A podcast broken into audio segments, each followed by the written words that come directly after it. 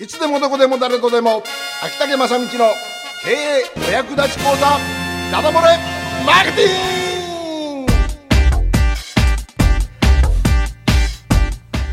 さあ時刻の方は6時を回りまして北九州の FM 北九から生放送でお届けしております。関門独立共和国、えー、お相手の私羊年の羊坂井健とそして関門独立共和国初代暫定大統領の文字工のバナナマンです。はい。そして、えー、引き続き、うんスペシャル秘書官。はい、えー北九州市観光協会の豊島千尋です。はい、彼女がすごいのは、うん。こう秋竹さんのコーナーとか、はい。バッチリメモ取ってるね。メモ取ってる。そう。セミナーとれい。けできますよ。すごく参考になるんですよ。ああありがとうございます。はというこうねそれを、その皆さんにも参考にしていただきたいコーナーでございましてはい、ダダ漏れマーケティンうん。グ、うん、今週はどんなお話でしょうか？はいえー今回9回目になると思うんですが、えーっとまあ、小さな会社の地域密着型ブランドの作り方ということで13回にわたって行っておりますが今回はですねお客様の声を集めましょうという、はい。えーテーマになります。あのー今まで、まあ、独自の売りを決めたり、えーそれから、えーマスコミ PR をしたり、はいで、えーいろいろお客様を集めてきました。じゃあ実際にお客様が、えーどのような感想をお持ちなのか、えー今一度ですね、えーお客様の声を集めることによって、えー確かめてみましょうというような、えーことになるわけですが、えー実は私そのお客様の声についての本は一冊書いてまして、まあ、そういうことはですねその本を読めば集め方とか分かるので今日はですねその本に書けなかった商売人の本音の本音裏の裏、お、うん、決してお客様にはい。聞いてほしくない、ありゃ。えーそういうところをですねお話しできればと思っております。これは素晴らしい、はい。と言いますのは、まあ、あのお客様の声をちょっと復習しますと、うん。よくスーパーに行きますと、あのーお客様のお褒めの言葉、えーそれから、えーご要望とか、うんうん。えーそれから苦情とかいうのはレジの近くに貼ってますよね。そうですよね。はいはい。ね、それに対して店長さんが、えーお答えを書いてていらっしゃる、まあ、そういうところで皆さんよく見るんじゃないかと思うんですけども、要はそれを今度経営の改善に役立てましょうというような、えー仕組みなことなんですが実際のところですねそういう役割ももちろんあるんですけどもその裏に隠された役割がありましてこのお客様の声っていうのは集め始めた途端からすぐさま、うん実は信者のようなお客様を作り出しそして口コミを呼ぶという。要素があるのです。はい。えー大手のスーパーとかになりますとですねもう本当組織がもうこ凝り固まったっていうかですねそういうところはお客様の声を集めてですねでそれで、えー社員スタッフをうん。教育するネタに使うんですが、うん。えーあ何々さんあこのフロア担当者誰？あここにゴミが落ちてたっていうふうなお声が来ております。みたいな感じで、えーかなり叱られてモチベーションが落ちるということになるんですが上手に使っていらっしゃるところはあのあ今日もいつも気持ちよく買い物できました。ありがとうございますっていうお声がいっぱい来るんですね。断言いたしますと、えーこのお客様の声っていうのは100%お褒めの言葉を書いてもらうような仕掛けを作ることができます。うーん。うん。えー、ほんまかいなと、え普通社長さんがね、おお客様の声集めたらなんて書かれるんやろうかって言って、えー怖い。だからそういうのはもうやめとこうっていう人も多いと思うんですが実は言いますとこの、まあ、秋田形式というか私たちもやってるのはほぼ100%あちょっとトーンダウンしましたね。あ普通のあ100%からほぼとか言い出したけど。ほぼって言いました。今ほぼって言いました、えええはっきり申しましょう、はい。100%、えーお褒めの言葉を、えー書いてもらうことができるツールです、でですからあお客様からそういうのお褒めの言葉を書いていただくとですね、えーまず、えー社員のモチベーションが上がります。だってそうですよね。自分の仕事に自信が持てます。で喜んでもらった実感がありますので。で、えーそれこそ100%、えークレームばかりを書いてもらう方法もありますすごく経営改善に役立てればいいですが、私はそんなメンタリティーがありませんので、やっぱクレームだらけっていうのは嫌なんですけどね。さあ、本題に行きますとですね、そういうあのやり方は本に書いているんですが、今日お話したいのは、お客様の声が口コミを呼ぶこのメカニズムについてお話ししたいと思います。うん、さあお客様の声がねなんで口コミにつながるのかっていうことなんですがこれはやはり相当心理学がですねの要素が、えー、ありまして、えー、それを、えー、まあ心理学的に考えると非常に分かりやすいと思うんですけれどもあのー、まずお客様の声を、えー、書くということにあたってこういう心理学の用語で一貫性の法則ってご存知じゃないですかね？うん、一貫性。の法則、えー、実は、えー、私たち人はですね、うん、何かのことにこうコミットをする、うん、約束をするとか自分がこういうふうな意思表示をした時にその意思表示をしたことをかたくなに守ろうという心が働くんです。はあはあはあ、私これ賛成ですって言った途端に、うんうん、それに対して、えー、私は賛成なんだということを姿勢あの立ち位置を守ろうとするんですね。うん例えばフェイスブックでですね一言コメントを書きましたと、うん、あのどなたかのコメントを書きました。という時に私この人のファンです。まではいかないけれども、うん、でも書いた時点でもう私は書いたということに対してこの人を認めてるっていう、うん、そういうことになるわけです。意識働くのね。だからそこにいろんな方から批判の声が来るじゃないですか。もしその人が何か問題を起こしましたと。相手方が、でいろんな声が批判が来た時にね、えー、一回コメントを、まあ、いい意味で残した私は人を批判されてるのを見ると辛いという気持ちが湧いてくるんですね。うん。うん、でそこで「いやそんなことないよ彼は」って「いやその方があるかもしれんけどでも別にこんなとこもいいとこもあるよ」みたいなこう援護をしたくなるっていうようなことがあるんですね。でお客様の声っていうのはあの例えば干物をこうこうこうで食べ買いました美味しかったですよ。私の買った理由はこういうことですよっていうのを書きましたそうするとですねそこで私はこうこうこういう気持ちで買ってそれを満足させてもらったから、えー、この店が好きというようなある意味コミットしたような状態になっちゃうわけです。うんうんうん、分かってもらえます、うん。うん、あのお客様の声を書くことが実は、えー、私あなたのファンなんですっていうお宅の商品のファンなんですって意思表示なんですね。うん、うん。うんでそれを、えー、書きまして出しますとついもうそれで、えー、そこの一貫性の法則が働きますからもしジジアに対してこう「ジジアさん美味しかったです」って書いた、はい、その心がもう一貫性の法則が働いて他の方が「いやジジアはこう、まあ、本当社長はもういかがな人よ」って 言われた時でも なんかでも干物が美味しいしみたいなことをついつい言ってしまう自分がいるみたいな感じになるんですね。あのまあ、こういう事例がいいかどうか分かりませんがちょっとしたあ、まあ、宗教系のセミナーとか行った時に、えー、話を聞いてる時にこんなまやかしみたいなって一言言うとするじゃないですか。でも連れられた周り連れられて行った人ばかりなんですね入りませんか、って、でも一人誰かがこんなまやかしみたいな一言そこで言うたとしましょう、その時にみんな周りの人はどう思うかというと連れられて行ったんだけど今ここでそんなこと言わんでもいいじゃんっていう気持ちになるんですね。それは自分が出席したということに対する一貫性の法則が働いてるんです。今までだったら世間そういうところにいなければそういう人がこうクレームを言った人が出てくればそうだそうだっていう気持ちであったはずなのになぜかその場に行ってるっていうこと自体がもうすでに私はここに参加した人だという一貫性のことが働いてるんですね。だから、えー、その他、えー、賛成型に回っちゃってるわけです。いくら自分がいや私はおかしいと私もおかしいと思ってるって後で言ったとしてもですよ。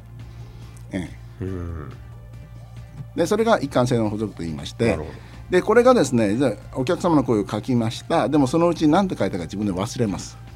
忘れますがその後ニュースレターが来てそこにお客様の声が載ってる自分のああはいはいはい。そうすると思い出すんですね。ですね、うん、で私そういえばこのこと書いたよねってことを思い出します、で頭に入ります、で小学校の学習と一緒で書く行為っていうのは非常に頭に入りやすいですね、でなぜ口コミの原因になるかというとお客様の声を書くことによってなぜ私はその商品を買ったのかが明確化にされます、あの声の中にこう文章の中に私はこうこうこうで買いましたとでここで私喜びましたということが明確になります。となると口コミは次の人に話しやすい言葉で話す、うんうん、ということが原則ですのでだから伝わっていくんで一回書いてますから自分で頭の中に復習してるし、うん。それから改めてニュースレターとか自分の声読んでいるしだから自分がなぜ買ったか頭に強烈に焼き付けられるんですね、そうすると次の人に伝えやすいと。と伝えやすいとその言葉は伝言ゲームに伝わっていくと。これ種になります。不思議ですなるほどね、うん。はいはいはい。ただお客様の声を書くときはですね皆さんなかなかですね美味しいと仮に思ってあよかったと思ってもなかなか書けません、ん。手紙書こうと思っても書けないこと多いですね、ん。だからその時にですねもう小学生と同じなんです。例文をつけてあげるんです。は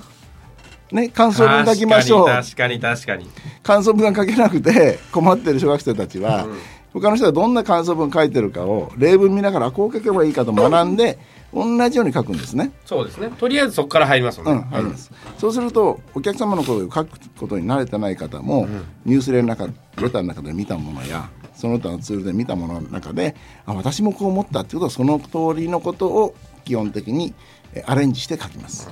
となると同じような声が集まるんですね。でみんなそれを一貫性の法則を持って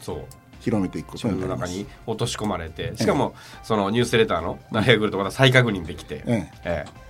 はあ。この辺がですね実は、えーお客様の声っていうものの見えない世界、なぜ口コミが起きていくのかっていう、えーメカニズムになります。いやー すごいそのまあまあまあ心理的というか、よくよくよくそれを別になんか学問的に言わなくても、ええ。そういうふうに言われて、うんうん自分のうんもう例えばそういう場合そうだろうなそうだろうなそうだろうなって思っていくと、はいやっぱそうですね。そうなんだ、よく現場で感じることでしょ、現場で生活の中で、うんうんうん。さらにですねこれがですね強く意識づけられますと他の方がですね、えーその会社のこと商品のことを批判した時にですねあの反論する癖がついちゃうんですね、うん。それはなぜかというとこれは認知的不協和の解消と言います。これはあのこれも心理学的言葉でね、認知的不協和というのは私良かれと思ったこと、したことをいきなり反論されるとそこに何の根拠は明確な根拠もなく、取ってつけた言い訳をするっていう行為に出やすいんです。は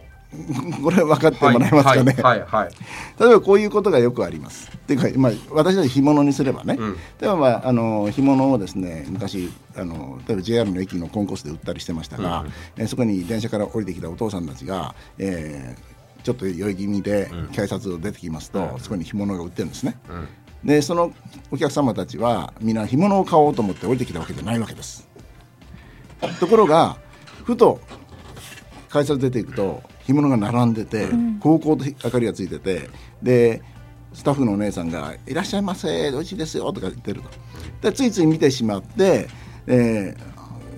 ー、なんこれは」って言って話した瞬時にもうあの話したから買わなきゃみたいな感じになって買っちゃいますよね。で買って買った瞬間になんで俺こんな本持っとんやろかみたいな。ことを思うとともに、ここからが大切で実はそこで奥さんの顔が浮かぶんです。はあはあはあはああこれ奥さんに食べさせようかなって、うんうんお土産だってやろうかなって思うんですが例えばうちの干物って結構高めのせ値段じゃないですか、このラジオで言っていいのかな、大丈夫。それでも欲しくなるものですから大丈夫。あのそうするとですねあの帰りますと「はいひおお土産」って言って奥さんにやりますね「わ干物？ってよかったね。明日朝食べよう」って言って、ちょうど朝ごはんになるって言って言われて言いまして、であのたら奥さんがですね「ねこれどこで買ったん?」っていう話になりますね。でいやいや駅のところで売りよった」でいくらしたん?」って言ったら「2万1000円」って言って、そこで奥様が「何?」って言い出すわけですね。はいはいはいはい ええそんな状況知りませんから、あんたこんな干物はねってスーパー行ったらキュッパーで売りようよって話になるわけじゃん。そね、でそうしたら旦那さんはどういう行動を取るかというとここで自分良かれと思って買ったものが奥様に否定されてますから、認知的不協和の解消しなきゃいけないわけです。うんそこで取ってつけたような言い訳っていうかですね、するわけです。いやそんな人だったらお前売りよった姉ちゃんがまあ元気が良かった結構だとかね、うああなるほどね。であ相当売れるらしいとかね、いやうまそうだけどお前に焼け中じゃないみたいなね。俺が勝手に焼いて食べる気がないかみたいな話になったりするわけです。えそういう時にですね必ずですね実はここでまっとうな言い訳をしてもらいたいわけです。うん。その旦那さんに。でそこで重要なのがお客様の声であったり。でも歩いて帰る途中、えー電車からバスに乗り換えました。バスに乗ったらついつい買い物した中に入ってるはいはい。ちょっとした紙を読みたくなりますね、うん手持ちください。暇つぶしに、うん。読んだ時に買うたものに対してのその再確認をするわけです。うん。大体買い物した直後に後悔が始まると言われます。大体ね。でその時に改めてあだからカタログを欲しがるのは買った直後の人なんですね。車にしてもパソコンにしてももう一度そのツールをしっかりと、うんうんうんうん。あツールではスペックを頭に入れたいみたいな。なるほど。でその時買った直後に、えー例えば干物のうんちくを読み始めますね。あるいはお客様の声を読むと、あみんな買ってるしあこれで人気があるんだっていうのを確認していくわけですね、バスの中で。で家帰っても奥さんから、まあ、そんなん言うてものってこの干物はなんか初汁で味付けしたらしくてとか、いや関門海峡で有名らしくてとか、バナナマンが売りようらしいぞとか、えそういうまっとうなあの答えをしていただくと奥様の方もまあねとか言いながらなるほど。うん、あのそこで改めてそれを怒った時だからこそまた逆に「本当かね?」みたいな感じで 言うわけですね。はいはいはい。でこれが実はお客様の声とか、あ要するに、えーお客様が口コミをしていく、この心の種になるもの、一貫性の法則だったり二石不協和であったりというものになります。だからお客様の声を集めましょうっていうのは実は改善のためにまたお客様の意見を聞くっていうこともとても大切なことだし窓口あの対話の窓口を持つって非常に大切なことだからそれだけで業績伸びていくんですけれどもただそれ以上に実は口コミは口コミを呼ぶ要素になってるってことなんですね。でこれはなかなか表に見えないことなんですだから、えー本当地域密着型の、えー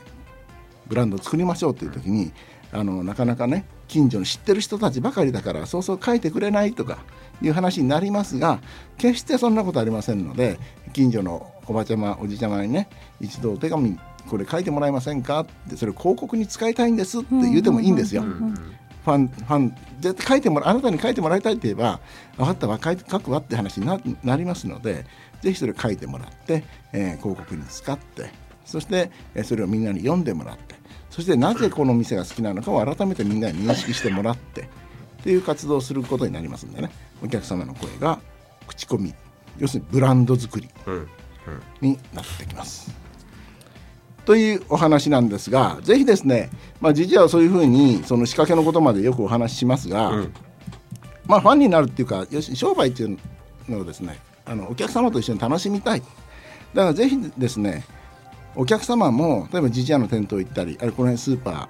まあ、ハローデーさんにしろいろんなところでやってますがあの乗っかってね書いてみるといいと思うんです。その売り手がやろうとしていることにうん乗っかって書いてみてで自分たちの店としてお客様も意識して楽しく、えー過ごしてもらえればいいしそしてまたそういうのに共感してくれるお友達とかをねいっぱい連れてきて楽しいそのファンの会会とかコミュニティになってくれればいいと思います。ぜひですね、えー今日話したことはですね、今一度、ん。あのスーパーの買い物した後にもしレジ裏でお客様の声を見つけたら貼ってあるやつね、うん。ええ。もう一度読まれて、ん。あこれで私も口コミの 営業させられてるんだなと、しげしげと見てもらったらいいんじゃないかということでございます。え今日の、えー、秋田県さんちのダダロモダダ漏れマーケティングは、えーお客様の声が口コミが呼ぶということで放送いたしました。以上です。はいということで皆さんもまた参考になさってください